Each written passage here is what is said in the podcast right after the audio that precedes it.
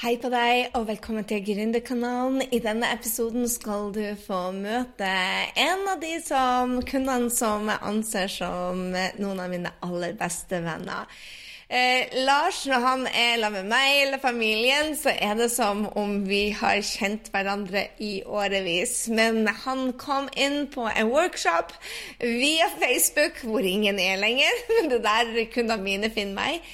Um, Lars fant meg gjennom en, um, en workshop uh, for halvannet år siden, og siden så har vi hengt uh, sammen. Det er nesten som å finne sin tvillingsjel. Og jeg må bare si det at denne episoden ble mye, mye lengre. Og kanskje du må bare speede oss opp litt, for når vi møtes, så går nå skravla. Jeg hadde så lyst til at du skal høre Lars sin, sin reise, fordi at han var eh, Når vi møtte hverandre, så var han blakk, blakk, blakk eh, og deprimert. Og eh, allikevel så valgte han å satse på, eh, på, sin reise. Og så er det som de fleste, det tar mye lengre tid enn vi trodde. Og jeg var også, eh, Lars var en av de som jeg var overbevist bare skulle ta av med en gang, for han hadde absolutt alt det du trenger. Han torde å ta action når det var skummelt. Han, han, trodde på seg selv og visste produktet sitt var bra og var veldig familiær med sosiale medier. Og det er noen av de ingrediensene jeg ser på hvor lang tid blir det ta deg å slå igjennom. Eh, for det er mange der ute. Og det er ikke sånn at du trenger tusenvis av følgere, ikke i det hele tatt. Men det krever at du tar action også når du ikke føler for det, og det hadde han. Allikevel så var det eh, ting som lå under, som du skal høre, hvor det gikk i en depresjon, som han snakka om. Og jeg vil at du skal ta med deg det at hvis du er en av de som ting tar lengre tid, så det er ikke tull det jeg sier, at når du vokser, så vokser businessen din. For det er Lars eh, et bevis på at ja, han gjorde de riktige tingene, men han var rett og slett sliten. rett og slett sliten etter å ha stått på litt for lenge. Og nå det han hjelper sine drømmekunder, er akkurat å ta dem gjennom denne prosessen som han har vært gjennom et eh, halvannet år. Så møt en av mine aller beste venner, Lars, og bli inspirert av hans gründerreise. Lars, velkommen til Gründerkanalen. Hjertelig. Så hyggelig å bli invitert. Yeah.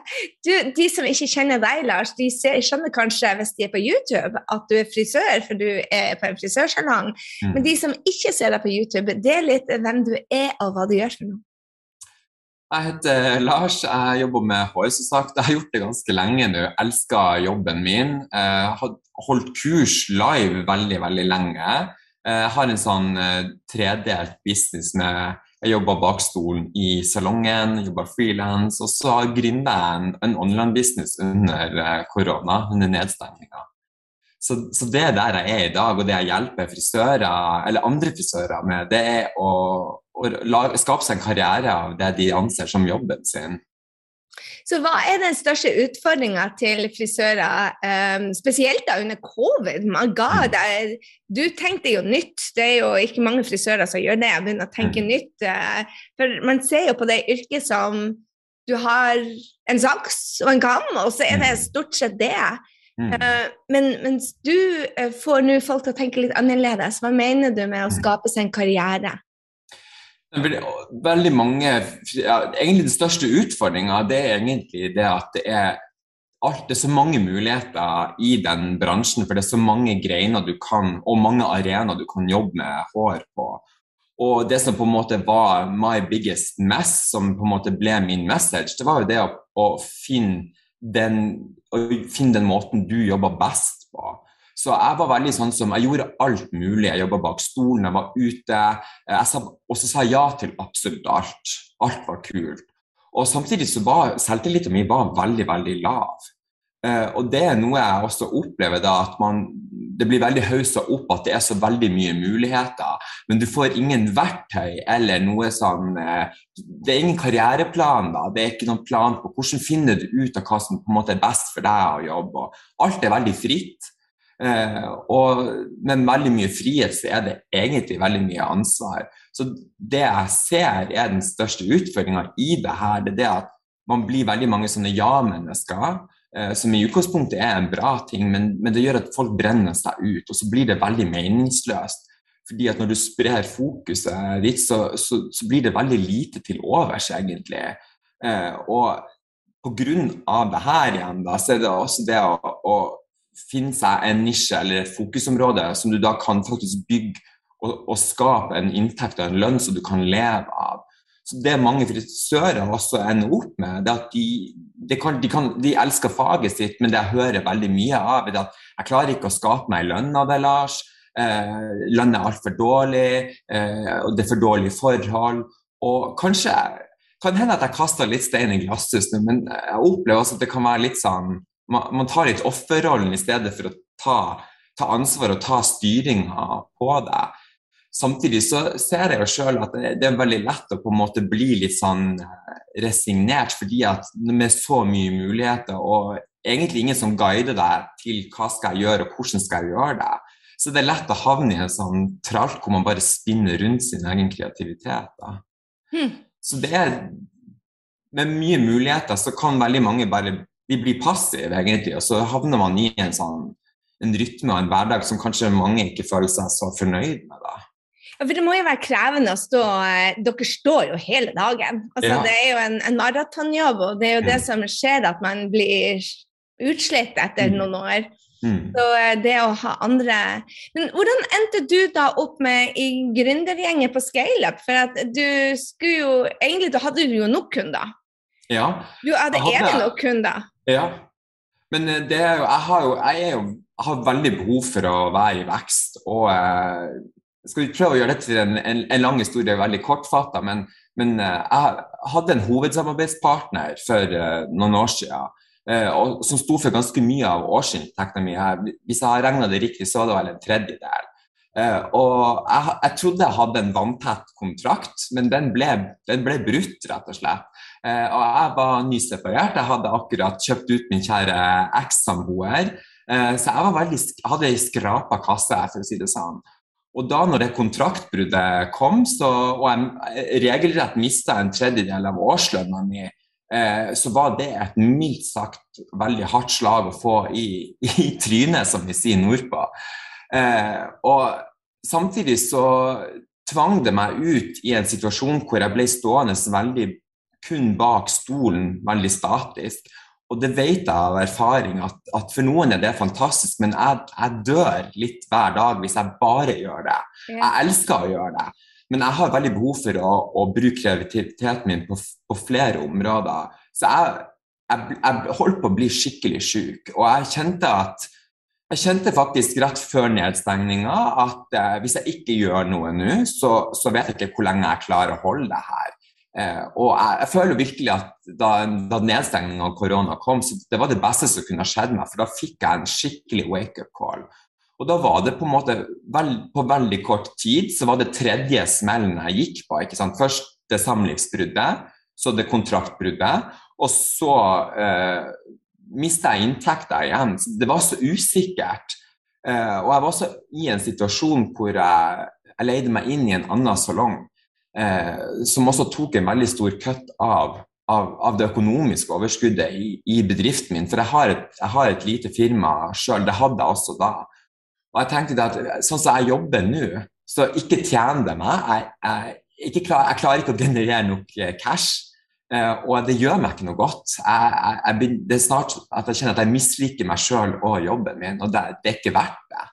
Uh, og jeg kjente veldig på at uh, Enten så, så ender jeg på Nav eller blir sjuk, eller så må jeg faktisk wake the fuck up og gjøre noe med det.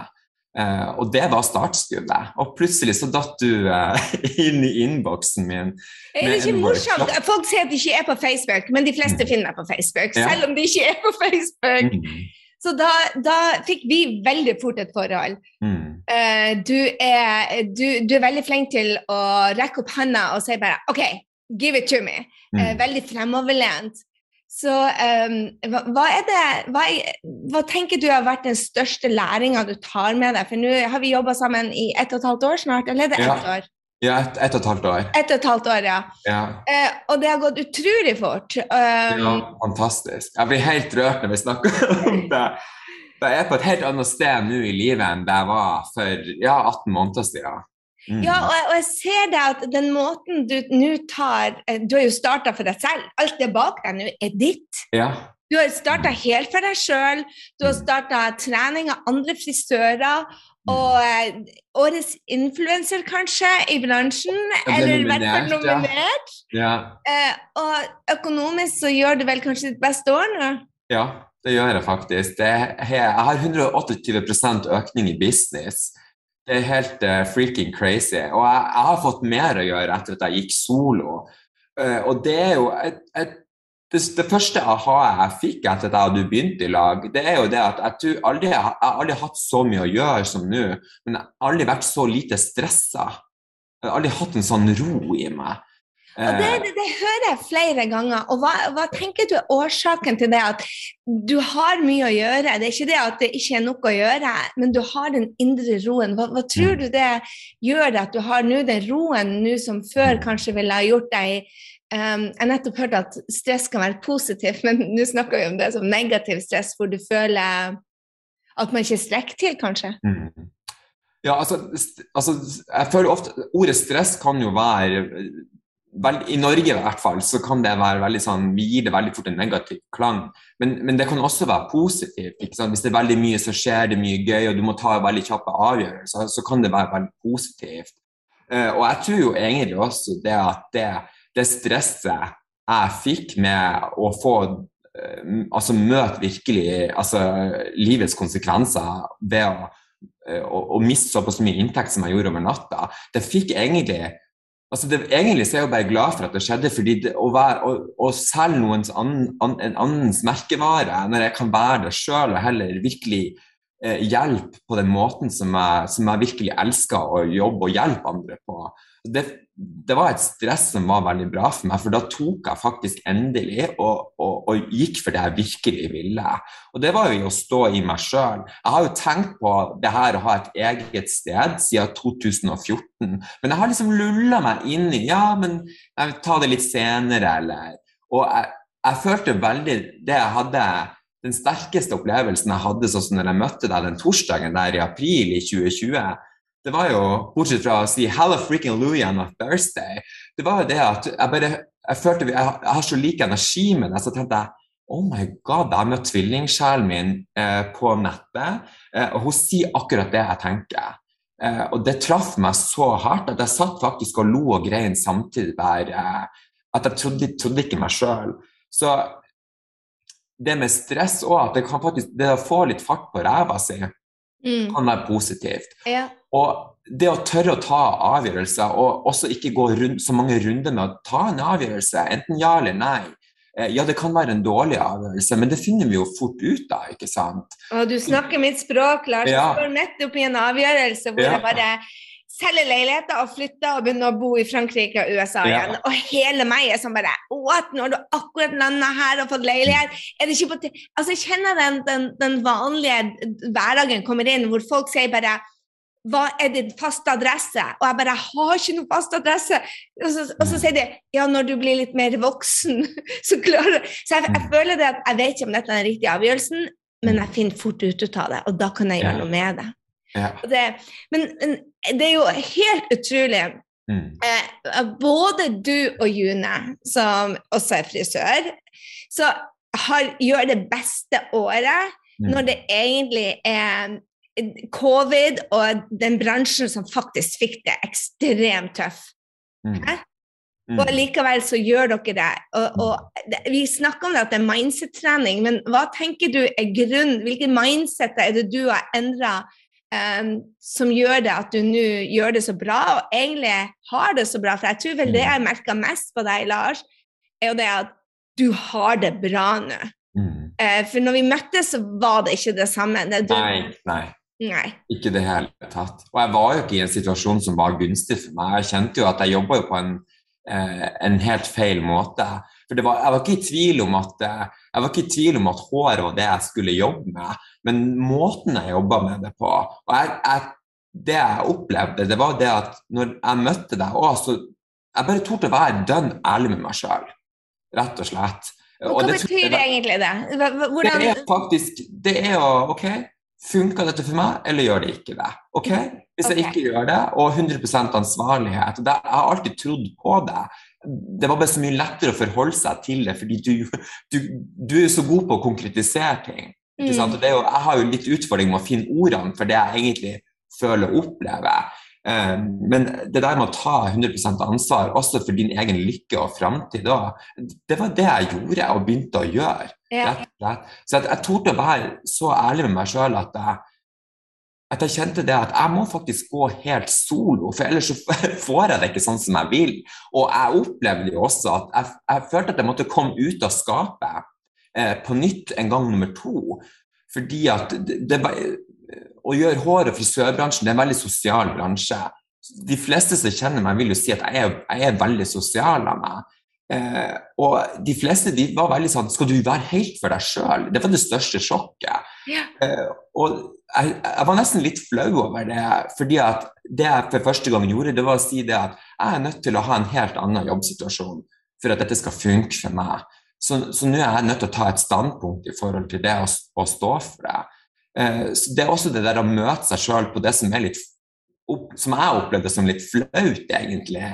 Jeg har ikke skjønt helt hvorfor jeg egentlig gjorde det. Nei, men, det, For meg er det sånn der, wow! Ja. Men, men, men, det er jo sant som du sier, at de fleste liker å ha kollegaer. Nå er du egentlig det er deg og kunden. Punktum. Ja. Mm. ja. Men nei, ikke sant, det var jo det som var Jeg må innrømme Når jeg er på salongen til deg, så føler jeg det er luksus. Jeg føler meg litt som en kjendis som får sitte der i stolen og bare mm. ha hele din oppmerksomhet og mm. kaffe. Og, ja, jeg tror det er sånn det føles å være litt, sånn, litt Opera, rett og slett. Så jeg elsker det. Jeg, veldig, jeg var veldig spent på hvordan eh, det kom til å lande hos de som går hos meg. Fordi jeg har jo jeg, har, jeg, jeg elsker mennesker, jeg syns det er så interessant å jobbe med dem. Og jeg har jo de som har mye energi, sånn som, sånn som du og meg, og de som også liker at det er veldig sånn stille og rolig. Og det jeg ble veldig overraska over, det var jo det at de som tenkte, de som var sånn hipp og kule og hele tiden ville ha litt sånn pumping beat, det var jo faktisk de som bare Kan ikke vi bare ha det helt stille? Så jeg opplever det at, altså det at jeg torde bare jobbe veldig annerledes. Eh, I Norge er det veldig annerledes. I New York er det veldig vanlig å ha en sånn, for, folk som er veldig etablert i HR-bransjen, å ha et eget studio. Men i Norge, da, eh, så satte de veldig pris på det. Og jeg opplever jo at grunnen til at tallene mine øker, både sånn i forhold til sånn som de som kommer til meg for å få tjenester her, men også i forhold til, til det jeg selger på kurset. Eh, jeg har det bra, så den energien ikke mm. sant? Den, du blir som en magnet. Og, og, og, det får jeg høre så ofte nå at jeg rødmer nesten når jeg sier det. Men jeg hører folk si at 'du gløder, Lars'. Jeg har aldri hørt det før i livet. Men du gjør det. Det er virkelig, du gjør det. Og jeg, og jeg tror det at det er fordi at du har en helt annen selvtillit enn, ja. enn det. Mm. Hvis, jeg kan kutte det her hvis det blir for privat, men sånn som jeg opplevde um, sånn som jeg opplevde det, um, var at når vi begynte å jobbe i lag, så pga. de tingene som hadde skjedd, så var du blitt litt offer. Ja. Og det er fordi var standardsettinga ja, ja, men du skjønner ikke, partneren min og de svikta meg. og mens nå er det bare sånn Jeg skulle lære noe, og det var min reise, og det ligger på deg istedenfor å legge det over på andre. Og jeg tror jo at når man tar ansvaret på alle mulige plan, så har man en helt annen kontroll over livet sitt. Mm. Absolutt. Og det er jo Ja, og det er Altså, det, det, det er helt utrolig at det bare var et mindset. Ja, men det er det som det, det, det, er det jeg syns er så herlig. Folk tror de må jobbe så hardt for den her, men ja. du er blitt god på salg, du er blitt god på selvtillit, du bygger jo opp kundene dine, du driver jo med, med coaching når du har Du coacher til og med meg, ikke sant? Det er jo sånn der, Vi bytter jo på å være coachen for hverandre. Men, det, skjedde ikke i starten. Da holdt du igjen hele tida hvem du egentlig var. Og mm. den, du stolte ikke på deg jeg, jeg følte det at in, i starten når vi var i lag, så satt du meg her og deg der. Mens mm. nå så er det leker vi oss. Ja. Nå er du populær, så jeg skal vente litt. Du begynte å selge billetter til og med. Det er mange businesser du har.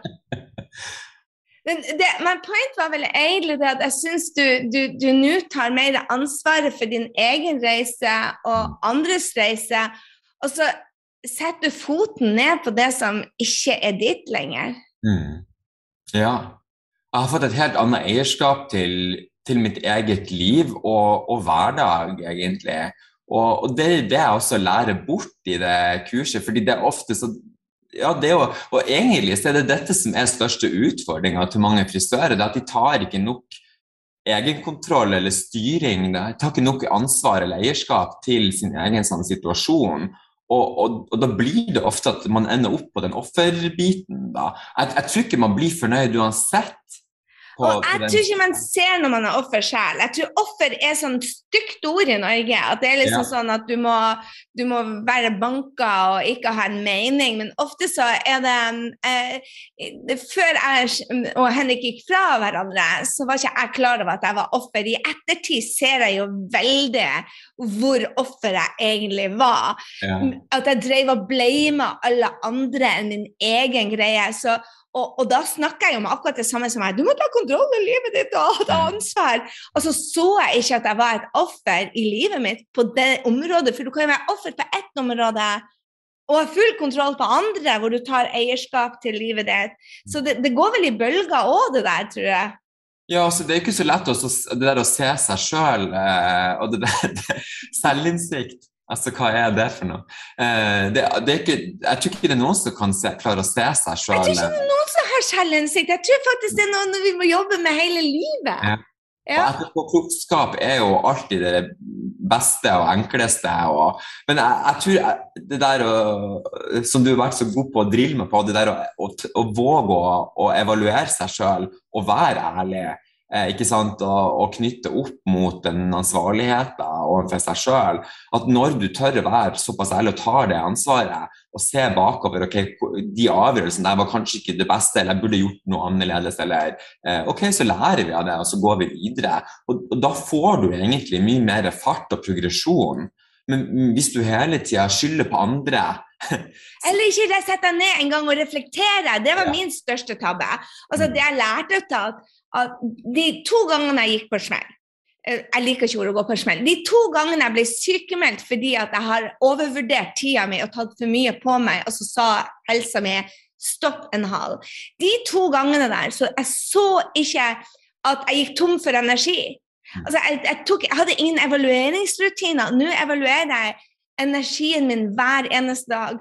Så denne uka for eksempel, så har jeg vært til akupunktør, jeg har vært til kiropraktor to ganger, jeg har vært til psykologen min, jeg har vært til eh, hun som smører meg inn i olje, eh, jeg skal til frisøren. Altså, det er ikke én dag uten selvpleie.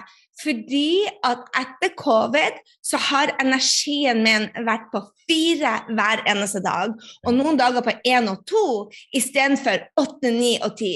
Mm. Og det for meg er en alarm. Og det er jo det jeg og du snakka om òg, at du hele tida måler energien din, så du vet når du er på feil spor etter noen få dager, istedenfor som tidligere, det tok meg 369 dager før jeg skjønte noe. Mm. Hvilken andre rutiner er det du har som, du, som du har satt på plass i livet ditt for å gløde? Hva er dine glødetips, Lars? Nei, jeg, jeg minner meg altså sånn takknemlighet og, eh, fordi Før så var jeg veldig sånn at jeg fokuserte veldig mye på alt jeg ikke hadde, eller ikke oppnådd, eller ikke kommet i mål med, eller altså alle de der Og jeg har ikke fått til det. og Jeg, ligger bak skjemaet, Ja, ja. ja. Og da får, det er det du får også. Men det der å, å, å, takk, Og det kjenner jeg også på. Jeg skal, ha en, jeg skal ha en coaching med gjengen min på søndag. Ja. Jeg er så takknemlig for det. Eh, og jeg lærer så mye om drømmekunden fordi at de har valgt meg å få lov å jobbe med dem. Det er helt, altså det er en magisk reise. Uh, og jeg får, jeg får helt ståpels når jeg skal fortelle det her. Men det som er så utrolig kult Jeg, jo, jeg, jeg sa jo til deg også det første året vi jobba som at jeg, jeg følte meg jo gal fordi jeg hadde ingen resultater, men jeg hadde så tro på det jeg har følt på så lenge. Uh, og jeg var på en sånn prisutdeling som heter Årets frisør nå på, på, lørdagen. som var og Da kom det en, en gjeng som jobber med faglig utvikling i et, et svært frisørkonsern i Norge. Eh, og jeg har sett dem, men jeg visste ikke helt hvor det, hvor det var de, de, holdt på, liksom. Så kommer de bort til meg, og så presenterer de seg, og så bare eh, og, og, så sa de at vi syns det er så utrolig interessant det du snakker om i sosiale medier, og at du virkelig tør å faktisk snakke om de utfordringene. Og jeg fikk så mye tilbakemelding på eh, det jeg liksom har formidla, det du har hjulpet meg til å, å formidle så mye skarpere, eh, at, at, jeg tenkte at my God, det er faktisk helt freaking amazing. Så det, jeg tror også det der å stole på seg sjøl og så høre litt innover, mm. at det òg er men hvordan, det, det, er veldig coachingord. Å, litt innover. Men ja. hvordan gjør man det, Lars? Hvordan gjør man det? Hvordan gjør du det? Ja, veldig ofte når man blir usikker, så Det er jo bare min erfaring. Ja, jeg vil gjerne høre hvordan du lytter inn. Veldig, så søker jeg alltid råd hos mange andre. Så, men så tenker jeg det at min sa noe for mange år siden. At noen ganger så skal man sette skylapper på ørene, og så skal du lytte etter dine egne tanker. Hva er det egentlig du føler rundt det du føler? Ikke sant? Og Det går jo igjen på å være ærlig med seg sjøl på hva, hvorfor funka ikke dette for meg? Eller på hvilken måte kan jeg gjøre dette sånn at jeg kan leve med det? Eller hvordan kan jeg skape en, en, en, hverdag som jeg elsker, framfor at jeg bare helst vil ha helg med en gang? Så jeg, jeg tror det der altså, Å være litt ærlig med behovene sine, og hva er det som Gir det meg noe, eller, eller, eller, eller, gjør det det stikk motsatte? ikke sant? Mm. Det, det, det, det, tror jeg også har vært en av mine store aha. At jeg begynte å etter hver eneste dag spørre meg selv hva ga energi, mm. og hvor ga jeg bort energi? Ja. For det er, jo, det er, jo, det det handler om. Og du har jo skapt en hverdag som du ikke vet noen andre har gjort, annet enn i New York. Eh, og, mm. og, det tror jeg også derfor jeg og du har sånn gjenkjennelse i hverandre, at vi føler oss kanskje ikke helt i, i, i, til pass med de reglene som egentlig er der ute, som vi ikke engang visste var der ute. som ikke er nedskrevet noen plasser. Mm. En av de tingene som jeg opplever så det ja, nå når du selger gris, hvor, hvor, hva er din faste bosted? Jeg bare, jeg skal ikke ha et fast bosted det neste året. Bare, det er, sånn bare, det, det er uhørt. Det går liksom ikke an hvis du ikke skal bo på en seilbåt. Det skjønner jeg. Ja, skal du på en båttur, da? Jeg bare rather die på en båttur. Jeg skal rett og slett ikke ha et fast bosted. Jeg har sett tingene jeg får lov til å låne i rommet til Henrik eh, på hytta, og sette alle tingene mine, og så blir jeg bare å bo rundt omkring. Men det er liksom det du gjør òg, Lars. Du har skapa deg en hverdag som, mm. som ikke de andre har gjort, og da er det ofte at man får litt sånn Er det lov? Jeg tror altså sånn Amerikanerne sier veldig mye smart. Uh, og jeg tenker litt sånn som så, så denne sayingen om at uh, 'the home is where the heart is'. Altså Det er liksom noe med hvor det er du har hjertet ditt. Og jeg tror at når du, når du er liksom uh, aligned, eller når, når, du jobber herifra, så, så, så, faller alt det andre på plass. Da, da, du føler deg hjemme med det du, det du skaper deg, eller, eller der du velger å dra til. Så jeg tror ofte så det merker også med å være i en kreativ bransje. Eh, og det var jo også noe som har vært Det har gitt meg personlige utfordringer også. Fordi jeg hadde jo Mamma syntes det var veldig skummelt at jeg skulle velge meg en veldig kreativ eh, karriere og også jobbe med hår. Hun kom fra en plass eh, hvor det, det, var ikke noe særlig vel ansett å være frisør eller jobbe i, i salong.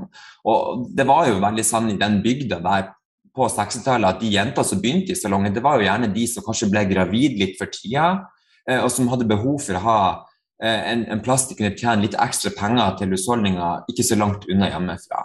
Så klart at Hennes mindset rundt det at jeg skulle bli frisør og jobbe, det var, det var veldig sånn Hun hadde ikke sett noen klare å overleve, eller For de jentene de hadde jo en mann, ikke sant?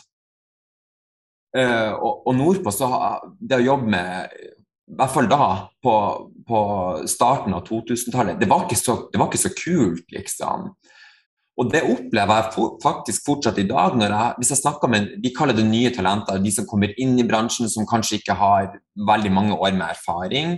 Eh, at også der så er det foreldre som tviler på at dette egentlig er en levevei. Men du kan leve veldig godt på hår, men du må gjøre de riktige tingene. Det er veldig veldig viktig. For det er veldig mange frisører som jobber på en helt feil måte. som De sliter seg ut, de brenner seg ut. Også, vi er, veldig mange av oss er veldig oppdratt til å si ja, ja, ja, ja, ja. Og, og, hvis du gjør det i den bransjen her, så ja, du kan vinne mye på det, men du kan faktisk brenne deg ut for life også. Så, så, det er ikke helt riktig alltid det der å, å, å være selvutslettende på en måte, og være så positiv og si absolutt ja til alt, for da er det ikke noe igjen. Men det er noe med å finne ut av hva er riktig for meg å bruke tida mi og energien på, og hva kan jeg si nei til. Og Det òg er jo noe som har vært en, også en veldig en kjempe-aha etter jeg møtte deg, at du må ikke si ja til alt. Du skal ikke si ja til alt og alt. Du kan ikke, du kan ikke være overalt til enhver tid. Men du må gjøre det som er det riktige neste steget for deg på din vei. Og jeg tror det er også en av de, ja, de største læringene du virkelig har, har, har, både lært og vist meg. da. Det vil jeg si at I starten så kunne for jeg, eh, Du har gjort håret mitt mange ganger, men jeg visste av og til at jeg spør i siste liten og du vil si ja til meg. Så i starten så sa du ja, og så tok du for mye på deg, og så ble du sliten. Mm. Mens nå tør jeg Så jeg slutta å spørre deg, for jeg vil ikke pushe deg. Mens mm. nå vet jeg det at hvis du ikke har anledning, så kan jeg stole på at du sier nei. Ja. Og det er jo en mye mer trygghet for meg også, at jeg faktisk kan spørre deg uten at jeg føler det at jeg er en belastning, hvis du skjønner. Ja, absolutt. Og det er jo det som er, det er, det som er litt sånn skummelt med å bli et ja-menneske, det at folk blir redd for å plage deg òg, ikke sant? Du, ja, i begynnelsen så var det for at jeg ja. så deg, Du burde ha vært på lading nå. Ja. det var ikke mye gløding, det var bare sånn Oh my God, nå er jeg Lars sliten. Jeg var grå. Jeg, det var så morsomt. Jeg hadde en veldig sånn, eh, en kjær følger på Instagram som plutselig bare sendte en, en, en, en story fra i fjor. Jeg, jeg, jeg, vet ikke hvordan hun hadde lagra den, eller men anyways. Eh, og da bare OK, det er to forskjellige Lars, liksom. Det er det. Det så ut som at jeg hadde fått kirurgi eller et eller annet. Ja, det, det, det, så, så, men det er det når du stråler. Og jeg, jeg, jeg tenker det at du, du, du, jobber fremdeles mye, kanskje litt for mye, etter coachen sin, sin anbefaling. Så hva er planen din jeg, jeg, ser jo det at du trives med det du, du gjør, så hva er planen din for vekst, men også lading, Lars? Det er så kult at du spør om det. Så, fordi jeg har faktisk funnet ut at jeg har kommet til en ny milepæl. Eh, det ene er at jeg er blitt flinkere til å ta fri. Jeg skal ha langhelg eh, nå for familie på besøk. Det gleder jeg meg skikkelig til. Eh, og nå tar jeg fri med god samvittighet. Og nå har jeg planlagt og jobba og ordna på forhånd, sånn at jeg kan ta, ta fri og ta langhelg. Og så er neste milepælen det som er, er, der jeg er i eh, på en måte et type veiskille. Det er sånn som du sa òg, at når du, når du, begynner å øke i om, omsetning, og sånn, så må du på et punkt må du begynne å spørre deg selv når skal jeg ansette noen. Mm. Og da er det det jeg må finne ut av nå, det er hva skal jeg sette bort? Mm. Sånn at jeg kan bruke mer energi på det som skaper verdi for drømmekunden min, og sånn at jeg, at jeg jobber smartere ja. ikke hardere. Ja. Uh, så det som har vært viktig for meg nå, det er å på en måte komme til et nivå hvor jeg har et overblikk. Og så kan jeg se hva skal jeg skal vi, det, vi trenger, jeg, skal ikke, jeg, skal ikke, plage deg med det nå, men jeg tenkte at det skal faktisk være neste tema for når jeg, når jeg og du tar en prat. Ja. Men, men, det er hva skal jeg begynne å sette ut nå? fordi at jeg må begynne å sette bort noe. Og det er jo et luksusproblem. Altså, det er, absolutt, og jeg visste jo at den dagen her kom til å komme. Ja, for du sa det når du kom der, bare Men eh, før vi avslutter, Lars, må jeg bare spørre deg. Kassa var skrapa. Du hadde ja. ingenting, og likevel investerte du ja. i meg og i ScaleUp og i Mastermind. Allikevel investerte du. Mm. Hvordan tør man det når én, du hadde ikke penger, to, eh, covid var der, så det skaper enorm usikkerhet rundt økonomien, som mm. allerede var nede. Hva gjorde at du torde faktisk å investere i deg selv på et tidspunkt hvor det ikke var så bra? To ting. Jeg var kommet så til en grense hvor jeg kjente det at uh, hvis det går lenger nå, så går det utfor stupet. Det er veldig farlig. Utfor stupet, hva betyr det? Altså, det var, altså, langtidssykemeldt, eller altså, okay. altså, det var ja jeg, så, jeg, hadde så mye aggresjon. Jeg kjente ikke meg sjøl igjen. Jeg var en sånn tikkende bombe.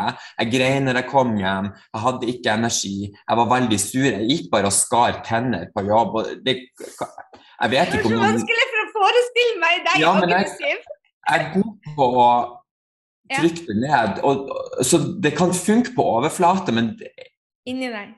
jeg blir, det har jeg, jeg har jo delt med deg før at jeg, kan, jeg, har jo jeg har vært på veldig mørke steder i livet mitt tidligere, eh, og jeg, jeg blir så rørt når jeg deler det. Um, og, Det er litt tøft å snakke om, men det, det, er ikke noe som er farlig å snakke om. det er bare det at Jeg, jeg er så takknemlig for at jeg kom meg ut av det. Men jeg, jeg skulle ikke tilbake der. Jeg har vært så, så deppa at jeg har vært på grensa til suicidal, eh, og, og, håret faktisk datt av meg. Det er ikke en overdrivelse. det er du kan bare ringe og spørre mor mi. Eh, det, det, var veldig svart. Det var veldig svart. Jeg skal ikke tilbake dit. Så mm. jeg visste at det er ikke aktuelt engang. Og så bare hadde jeg så trua på at jeg skal gjøre en forskjell. Jeg hadde bare så stein trua på det. Mm. Og derfor så tenkte jeg at jeg fortjener å gi meg sjøl den sjansen. Fordi at å, å rygge bakover det er ikke et alternativ. Jeg vet at det, jeg, jeg, skal, jeg vil ikke være et offer, jeg, jeg skal framover. Så det var de to tingene som gjorde det at jeg, at jeg investerte i meg sjøl, og at jeg kjente på at jeg, jeg fortjener å gjøre det. Og det gjør det. Jeg, det jeg er veldig god på, er å se potensialet til folk. Og jeg visste det at du skulle ta av. Det tok litt lengre tid enn både jeg og du trodde, for å være helt ja. ærlig. ikke sant? Ja. Uh, kan ikke du gi noen uh, trøstende ord til de som står der og vet at det her tok litt lengre tid. For til deg, vi trodde det skulle ta til seks måneder, og så tok det 18, så det er jo ikke lang tid. Men allikevel så, så er det mange som står der og bare Det her tar lengre tid enn jeg trodde. Mm. Du er jo et halvt år foran meg. Jeg brukte to år, så du brukte bare 18 måneder. Så hva, hva skal vi hva kan vi si til de som bare tenker oh my god, jeg føler jeg henger etter, dette går ikke, jeg vet ikke hva jeg skal gjøre, for du sto i det også når resultatene venta på seg, når du strevde med drømmekunden? og Altså Det viktigste, og det er jo igjen, du er jo coachen min, så det, jeg har lært så mye av deg, men, men, du er alltid der du skal være. Og når du møter på nedturer, så er det, en, det er for å lære deg noe av deg. Så finn roa og trygghet i at det du opplever på i det stadiet der, og det nivået, hvis vi kan kalle det det. Mm. Altså bare være trygg på at er der, du er der fordi at det er neste steget på veien. Og, og, og vær, takknemlig for utfordringene du får. Og jeg er så glad for at jeg har altså de utfordringene jeg har hatt, at jeg har gått igjennom det. For Det er derfor jeg sitter her i dag. Eh, jeg, altså, hadde du spurt meg om det her for et års tid siden, så du klarer at de kommer til å sitte og snakke om tolv måneder hvor du har ditt eget sted og hele den greia der. Jeg hadde sagt at Gryn, nå må du slutte. Men, men, jeg har vokst på de erfaringene, og derfor så tør jeg, jeg sitte med et enda større ansvar overfor meg sjøl. Mm. Men også fordi jeg skal hjelpe. Men, men, jeg er så trygg på det fordi jeg har gått alle de trinnene. da. Så, så det er jo på en måte en sånn en luksusen ved å høste erfaringer og også det å stå i de utfordringene. det At du blir så mye mer rusta til å håndtere de senere. Og det er jo det du gjør nå, Lars. Du hjelper jo akkurat de frisørene som står der du var for 18 måneder siden. Så guider du dem gjennom prosessen med erfaringa di. Det, det, det, er jo det du selger. Du selger jo erfaringa di. Helt riktig. Og det er, det er, så hyggelig å høre de tilbakemeldingene jeg har fått opp, at dette, dette funker faktisk òg. Eh, det er helt utrolig. Og så er det er også, jeg synes det er, jeg blir litt satt ut på en positiv måte når, når mennesker som jobber med svære, tunge konsern som omsetter for nesten for, for flere titalls millioner, kommer og sier at vet du hva, det du snakker om, det er absolutt det vi egentlig trenger.